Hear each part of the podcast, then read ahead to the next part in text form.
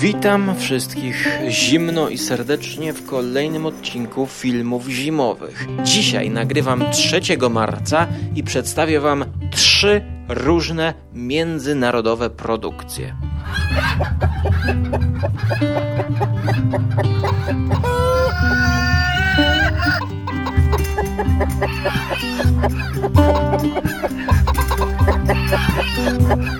To znaczy chodzi o produkcje z różnych krajów i zaczynamy od tego filmu najgorszego, czyli grudzień i 2015. Wychodzi w południowej Korei film pod tytułem Himalaya 2015. Dwie godziny oparty na prawdziwych wydarzeniach. 날씨 지기네. 야, 진짜 근데 이런 날씨에 진짜 잠을 잘 수 있는 인간이 있습니까?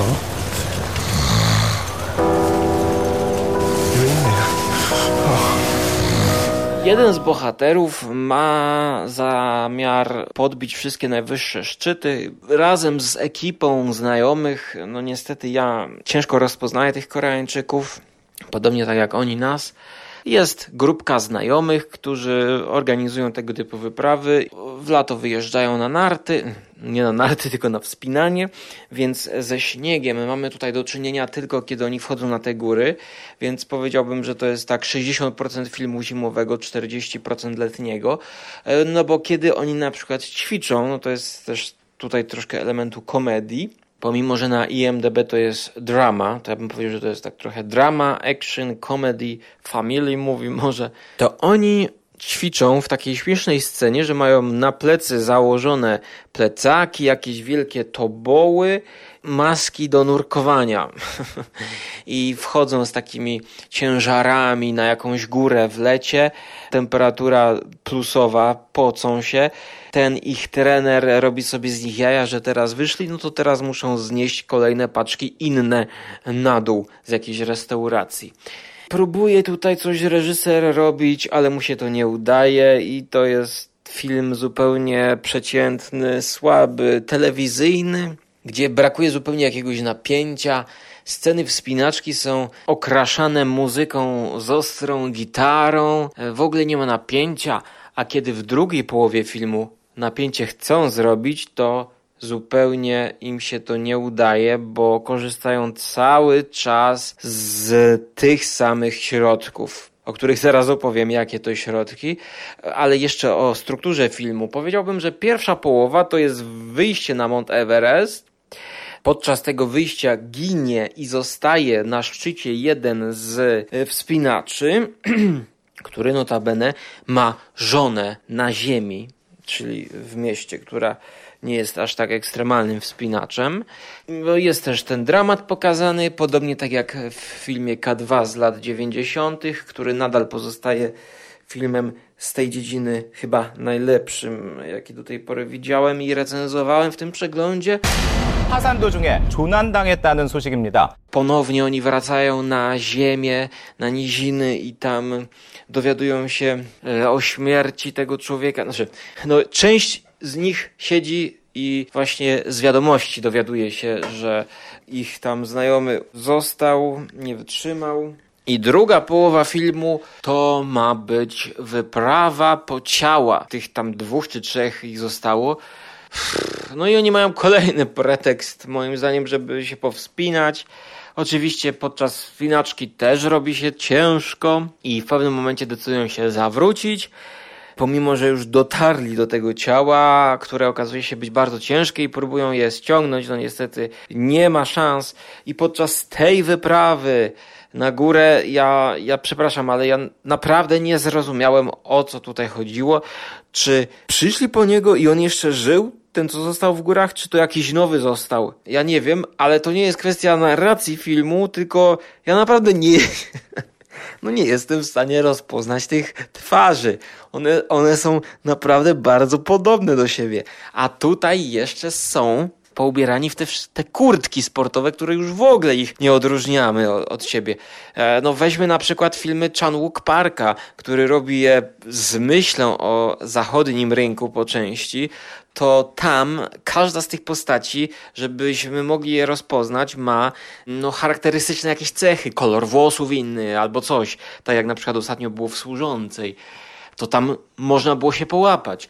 Natomiast tutaj ja mam wrażenie, że cały czas ktoś umiera, kto jeszcze powinien żyć, a okazuje się, że nie żyje ten, kto myślałem, że jeszcze yy, chodzi, wspina się tam. Ale najgorsze w tych ostatnich 20 minutach, jak oni go ściągają, to jest to, że przez ostatnie 20 minut jedyne środki aktorskie, jakie tutaj są stosowane, to jest tak. On już umiera, jest cały przemarznięty, nie ma szans go uratować. Dzwonią do tej kobiety na dół, a ona zaczyna płakać i mówi, że nie, nie, on tam chce zostać na górze. Nie sprowadzajcie go. Tamci zaczynają płakać na górze, no, zaś, że nie będą mogli go sprowadzać, pomimo, że już nie są w stanie sprowadzać go, bo jest bardzo ciężki. Dzwonią znowu do tej kobiety, ona znowu płacze. Dzwonią do tego faceta, on jeszcze prawie że żyje, ale stęka. Wszyscy płaczą i drą się przez ostatnie 20 minut filmu i to się staje nie do zniesienia. To jest po prostu tak nudne, tak? A jeszcze ta muzyczka pompuje emocje, których w ogóle tutaj nie ma.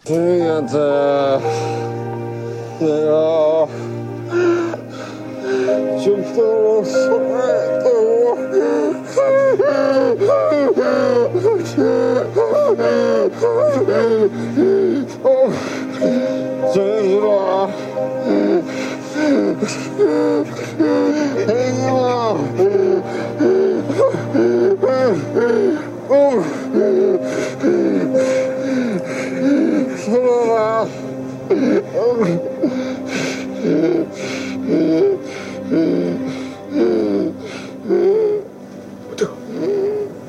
대가 무대가 무대가 무대가 무대가 무대가 무대가 마무대 나이 No zresztą sami przed chwilą słyszeliście. I jedyne co uzyskujemy to efekt komiczny. Ja nie polecam. Oglądałem ten film chyba na pięć lat.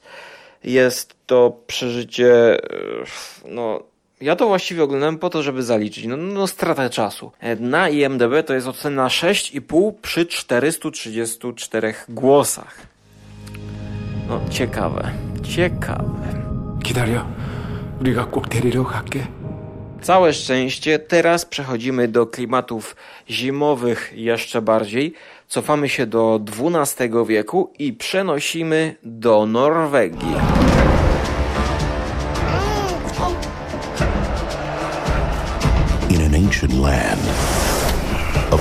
And snow, traitors with dark desires Birkebe Innerne 2016, czyli The Last King. lurk in the shadows and hatch a plan to murder their monarch. Ah! W roku 1206 Norwegia jest e, porażona wojną domową. Król nielegitym, co? Aha, tak, król chce. Ach, co tu piszą? Przyznaj się, nie wiem co to jest. Przeczytam to po angielsku może, bo z filmu mało też znowu zrozumiałem, więc może IMDB coś wam powie. Which half the kingdom once killed off is guarded in secrecy by two men, a story which changed the course of the country's history. Wiecie co? Ten gość z trailera robi to znacznie lepiej. Now, two devoted warriors must protect the orphan heir to the throne and save their kingdom. Dyrektor Nils Gaup zrobił kilka innych filmów zimowych, za które chyba podziękuję na przyszłość. Gra tutaj jeden taki aktor, którego znamy z The Thing 2011, Christopher Hivju, godzina 40. Action, adventure, drama. Zaczyna się to trochę jak Willow. Mamy opowieść o tym, że jest, jest jedyny potomek, taki dzidziuś, niemowlak, właśnie jak w Willowie, którego spuszczają tam rzeczką, a tutaj jest ten król prawowity, który mieszka gdzieś w jakiejś chacie. Źli ci od króla chcą go dostać, a tamci chcą go uratować, chcą go zanieść gdzieś indziej, więc tutaj ten, to dziecko jest tym McGuffinem. Hitchcockowskim. No chodzi o to, żeby po prostu dorwać dziecko. Źli chcą dziecko dorwać i zabić, a dobrzy chcą dziecko uratować i tam zanieść e, na koronację, żeby on był prawowitym królem. Oczywiście wszystko jest oparte, e, jak nam mówią końcowe napisy, na historii, więc e, już sobie wyobrażam, jak tam uczniowie w Norwegii zamiast czytać podręcznik, no to oglądają sobie ten film i już widzę jakąś nauczycielkę od historii, która zadaje im pracę domową, żeby obejrzeć i napisać wypracowanie. W takim stylu jest to nakręcone, niestety. Sceny akcji są równie dobrze mogłoby być tam o połowę mniej tych scen, albo o połowę więcej i fabuła ani słaby scenariusz e, by się tutaj nie zupgrade'owały w żaden sposób. Jedyny plus, jaki ja tutaj mogę powiedzieć co do tego filmu, który obejrzałem chyba na trzy raty, to jest e, sceny pościgów narciarskich. Tak, jak czytam w Magii Nart, to oczywiście narty wywodzą się gdzieś tam skandynawskie kraje. Kiedyś jeżdżono z jednym kijkiem, narty wyglądały inaczej, postawa narciarza inna. Dużo jest tych e, nart, i to jest naprawdę największy plus tego filmu. To oddanie tych pościgów narciarskich jest sympatyczne, to się, to się fajnie ogląda bo nawet oni walczą, strzelają z łuku podczas jazdy na nart. Tego typu pościgi rzadko się ogląda.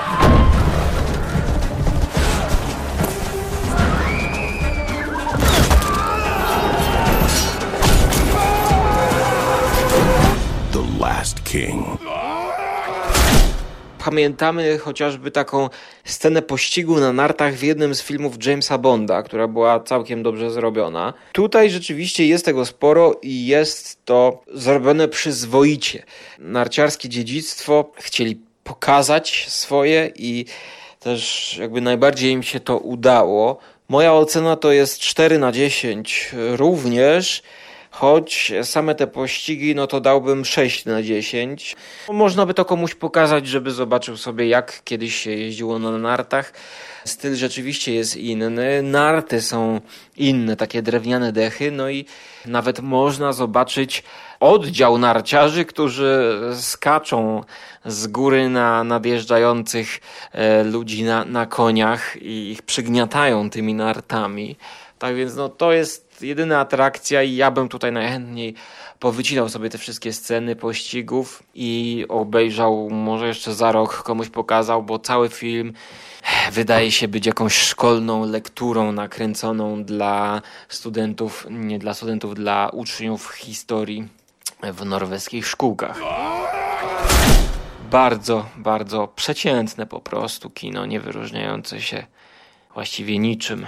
Przykre to jest, przykre. Aha, i jeszcze tutaj trzeba powiedzieć, że ten Nils Gaup, reżyser, zrobił film też zimowy The Kaukotejko Ko i no Rebellion, dramat 2008 o Lapończykach, którzy zamieszkiwali bezkresne równiny północnej Norwegii, hodując renifery.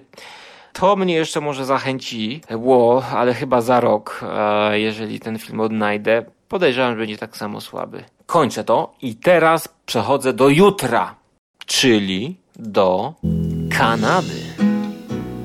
Did you ever meet mon oncle Antoine?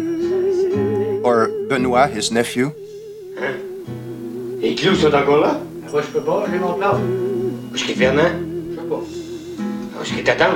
Było już trochę o Alasce i teraz e, będzie to kręcone wszystko w Quebec, Blake Lake City, w Kanada, nie w Alasce, tylko w Quebecu, bo przenosimy się do jutra, czyli do Claude'a Jutra i jego filmu Mon Oncle Antoine. Mon oncle Antoine ran a general store in a small Quebec mining town a few years back. Grumpy, lovable, he lived on gin and thrived on people.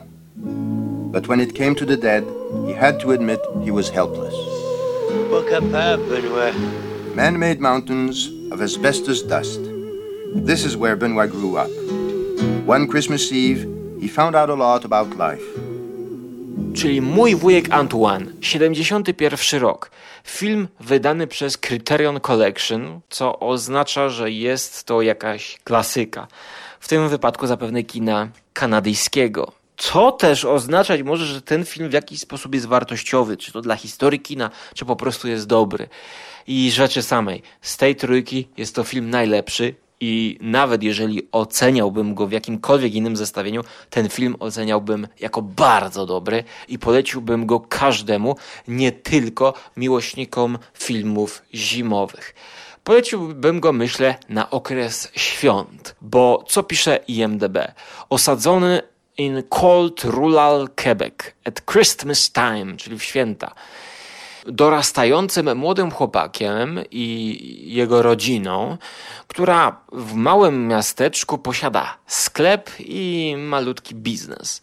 Może najbliżej klimatycznie porównałbym ten film do Bergmana, czyli Fanny i Aleksander, choć ten jest znacznie lżejszy, przyjemniejszy, taki rodzinny, pomimo że tutaj go określają jako dramat, bardziej ciepły film, szczególnie przez te właśnie wiejskie, rural klimaty, bo zaczynamy tutaj na jesieni jeszcze. Tutaj od tego filmu mogłaby się uczyć Agnieszka Holland e, odnośnie swojego pokotu. Zaczynamy w jesieni i widzimy jednego z bohaterów, Drwala, który nie może znaleźć swojego miejsca i przestaje pracować w pobliskiej kopalni wyrusza jako drwal e, na święta, może wróci, może nie, wyrusza zarobić jako drwal. E, następnie widzimy jego rodzinę, która mieszka w tym no, wiejskie klimaty, więc jakby każdy tutaj dom jest od siebie trochę oddalony. E, jedynie miasteczko skupia wszystkich i właśnie w tym miasteczku jest sklep, miejscowy sklep, którego klimat jest niesamowicie pokazany. To jest tak nakręcone, że chcielibyśmy przejść się tam i tam sprzedawać, kupować, robić zakupy, chodzić, rzucać się śnieżkami, jeździć br w bryczce z konikiem. Niesamowicie jest to pokazane. Tam mieszka, znaczy właściwie dorabia sobie taki młody chłopak, który jest właściwie takim głównym bohaterem, bo jednak tutaj film pokazuje nam całą społeczność i to jest też dużą siłą tego filmu, że społeczność właśnie jest pokazana. E, miejscowi dziwacy, ten drwal, e, miejscowi górnicy, każda postać jest tutaj jakaś wnosi coś ciekawego do tej panoramy miasteczka. Oni żyją trochę na uboczu, w powolnym tempie, a spaja te wszystkie historyjki y, postać głównego bohatera, który tutaj jest młodym chłopakiem dorastającym. Można tutaj wymienić filmy typu Nakarmić kruki albo Duch roju hiszpański. W tym klimacie to, to jest film. Tak więc y, można go postawić spokojnie obok klasyki, choć ten mój wujek Antoine nie jest aż tak znany, jak widzę, bo 2100 odsłon. Dobrze, że to y, wydała Criterion Collection. Ja znalazłem również inne filmy Kloda Jutra w YouTubie na kanale Canada Classics gdzie również znalazłem tam jakieś fajne urywki zimowe z, z, takiego serialu, gdzie Kanadyjczycy pokazują patrol południowy, wiecie, ten, ten charakterystyczny w tych czapkach takich, co kiedyś był taki serial Strażnik Południa i oglądając zdjęcia, no nie dziwię się dlaczego South Park robi sobie jaja z Kanadyjczyków. E, więc oglądając te fotosy z tamtego filmu o strażnikach, e, urywki zimowe, 45 minut tego powycinali, najlepszych fragmentów, e, zapisuję sobie to do watch listy filmów zimowych i będę o tym więcej mówił. Już wiem, dlaczego Kanadyjczycy tak są pokazywani w South Parku. A wracając do mojego wujka Antoine. Love.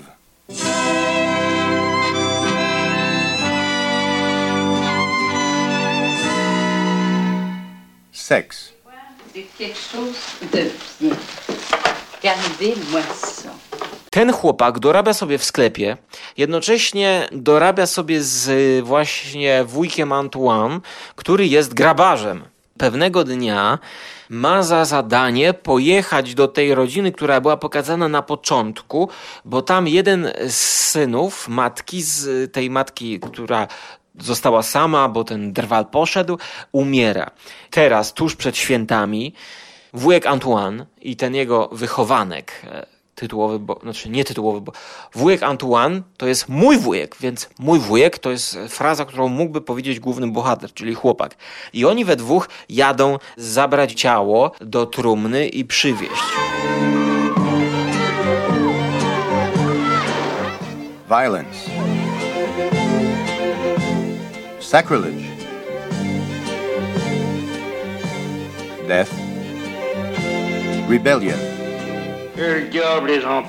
I podczas tej wyprawy wujek się opija i właściwie ten chłopak musi przewartościować wszystkie swoje dotychczasowe życie, nauczyć się dorosnąć, a jeszcze na całość tych wydarzeń rzutuje postać pięknej dziewczyny, która również dorabia sobie, czy jest córką tych właścicieli sklepiku. Tutaj mamy wątek jeszcze taki właśnie dorastania i taki, taki romans, młodzieńcze zakochanie się. Mamy tutaj sceny, kiedy ten bohater podgląda ją na przykład, albo kiedy każą mu iść na strych, to on spotyka ją, w pewnym momencie nie wytrzymuje, rzuca się na nią, dotyka jej piersi, scena nabuzowana erotyzmem, ale wspaniała, wspaniała. Film jest świetny. W ogóle te elementy humoru, no jest tutaj jedna genialna scena, w której, no, no właśnie, to jest tak genialna scena, że aż muszę ją, muszę ten motyw gdzieś jakoś zastosować w Red TV. Wyobraźcie sobie, że ten sklep, no to ten wujaszek Antoine, no to wiecie, taki wujaszek Antoine, nie? Przyszła dostawa gwoździ w takiej małej beczułce. No i wujkowi nie chce się tego nosić, od czego mam małego bydlaka. Mówi mu, weź te gwoździe, zanieś na strych. I gwoździe są postawione przed schodami. Wiecie, to jest taki dwupoziomowy sklep, właściwie mieszkanie, taki dom wielki, przerobiony na sklep na dole. Również jest wystawa, o którą oni dbają. Takie schody drewniane na samym środku tego sklepu, na górne piętro, gdzie oni mieszkają, a jeszcze wyżej jest strych. Wyobraźcie sobie te schody, takie szerokie, i na samym środku, na dole tych schodów, jest postawiona ta beczka z. Z gwoździami. Na rozkaz wujka Antoine chłopak powinien wnieść beczkę na górę. A on mówi, do dobra, jutro, jutro. Notabene też nazwisko Claude Jutra. No on kiedy indziej jutro wniosę. I słuchajcie, te gwoździe stoją tam przez chyba pół filmu aż do momentu sceny, w której zaczyna się wyprzedaż przedświąteczna, znaczy uroczyste otwarcie sklepu wraz z pokazaniem wystawy, która oczywiście nie udaje się odsłonić, bo jest, jest element komiczny, musi być. To jest wszystko ciepłe, bo wszyscy się śmieją, bo są święta, jest, jest wspaniale. Wszyscy wchodzą do tego sklepu, przechodzą obok tej beczki potykają się, my ją widzimy cały czas w tle. Gdzieś ona w tle cały czas jest, czyli że nikt jej nie wyniósł na górę jeszcze. I w momencie, w którym nagle do miasta wchodzi jakaś obca kobieta, jakaś zjawiskowa piękność z innego miasta, chce sobie kupić jakiś szal w tym sklepie, wszyscy milkną, odwracają się, no bo obcy wszedł do knajpy, jak to się y, bywa, to tutaj wszyscy, o, co ona będzie oglądać, co ona będzie kupować? I w momencie, kiedy ona wchodzi, to w pobliskiej właśnie kopalni dynamit wybucha. I ktoś tam, taki stary dziadek mówi, o tak, chyba tam właśnie rozwalają, bo będą wysadzać jakieś pokłady tam węgla czy czegoś tam, co oni tam wydobywają. Nie pamiętam. A, azbest, azbest wydobywają. Więc w ogóle wiecie, też takie widmo właśnie, ten, ten motyw grabarza, który i, i tego azbestu, taka śmierć nad tym miasteczkiem i nad tymi ludźmi czyha i ten wybuch dynamitu podkreśla wejście tej postaci. Wszyscy oniemiają, no nie? I ten wujek Antoine nie wie, co zrobić i mówi, no, no jakoś trzeba tu posprzątać, myśli sobie i do tego wychowanka mówi, no weź, że to, weź, że te gwoździe zanieść na górę, żeby było przejście. I wszyscy wpatrzeni w tę postać kobiecą, również ten e, wychowanek bierze, cały czas patrząc na tą kobietę, bierze tą beczkę tą, tą taka ma, mała, mała beczka, bierze ją na ramiona i słuchajcie, co teraz, bo to jest naprawdę znakomity żart. To jest żart, na który reżyser pracuje przez pół godziny filmu. I bierze tą beczkę, ciągle obserwując urodę tej kobiety, chce przejść z tą beczką dalej, ale w jego mózgu zakonotowało się, i tu jest efekt komiczny, że żeby wejść na schody, to musi zrobić taki wielki krok, żeby tą beczkę obejść ponad tą beczką. Więc on z tą beczką chce przejść ponad beczką, którą pamięta podczas swojego, znaczy z kwestii tego przyzwyczajenia i zaniedbania i wchodzi omijając beczkę z beczką na schody. A jak ja to zobaczyłem, jak to genialnie pokazuje właśnie jacy oni są, jacy są ci ludzie, że no, przyszła dostawa gwoździ, no to może leżeć, no to co tam, będziemy ją omijać. I tak im to weszło w krew, że omijają tą beczkę nawet jak tej beczki nie ma.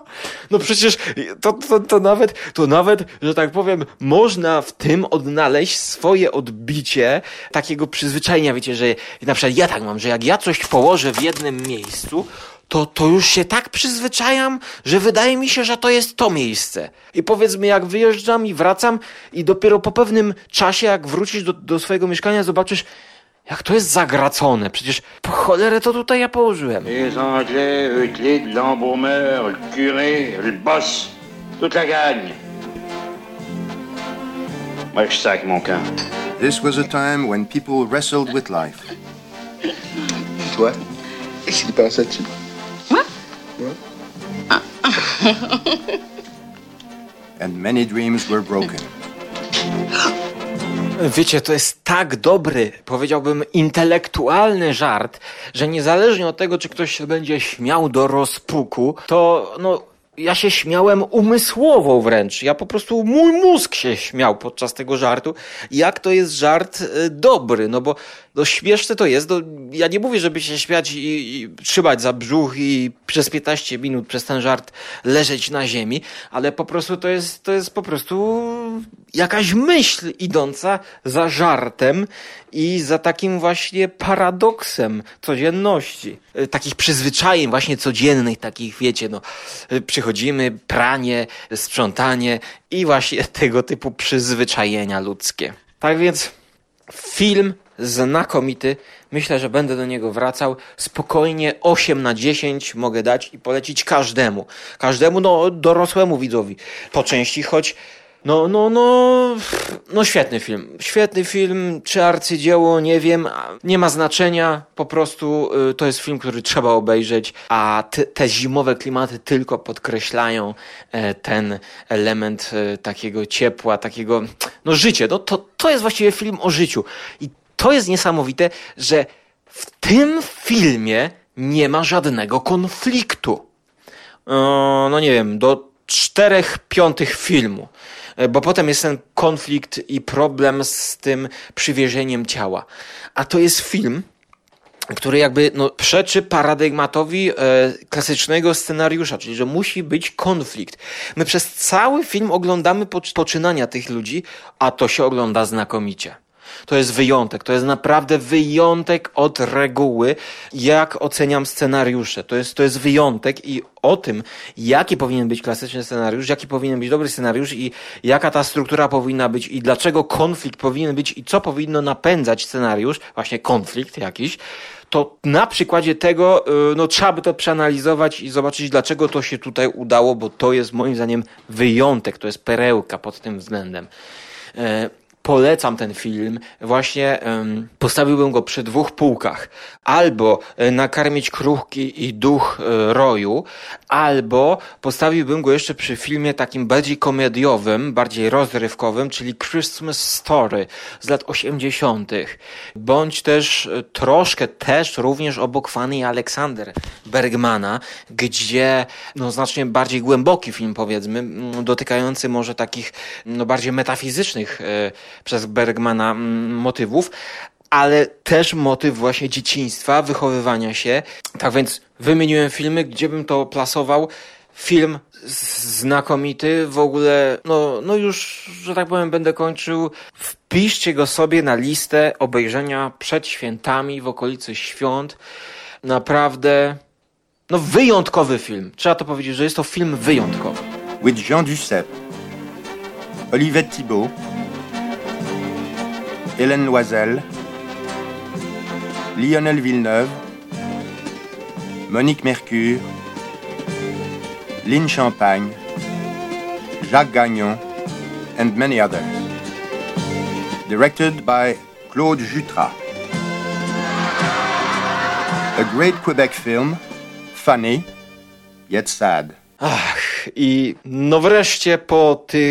Podróżach do Korei Południowej, do Norwegii, trafiłem do Kanady, gdzie chyba Kanadyjczycy mają trochę szczęścia czasami, e, zarówno, prawda, Alaska i mój wujek Antoine do dobrych produkcji.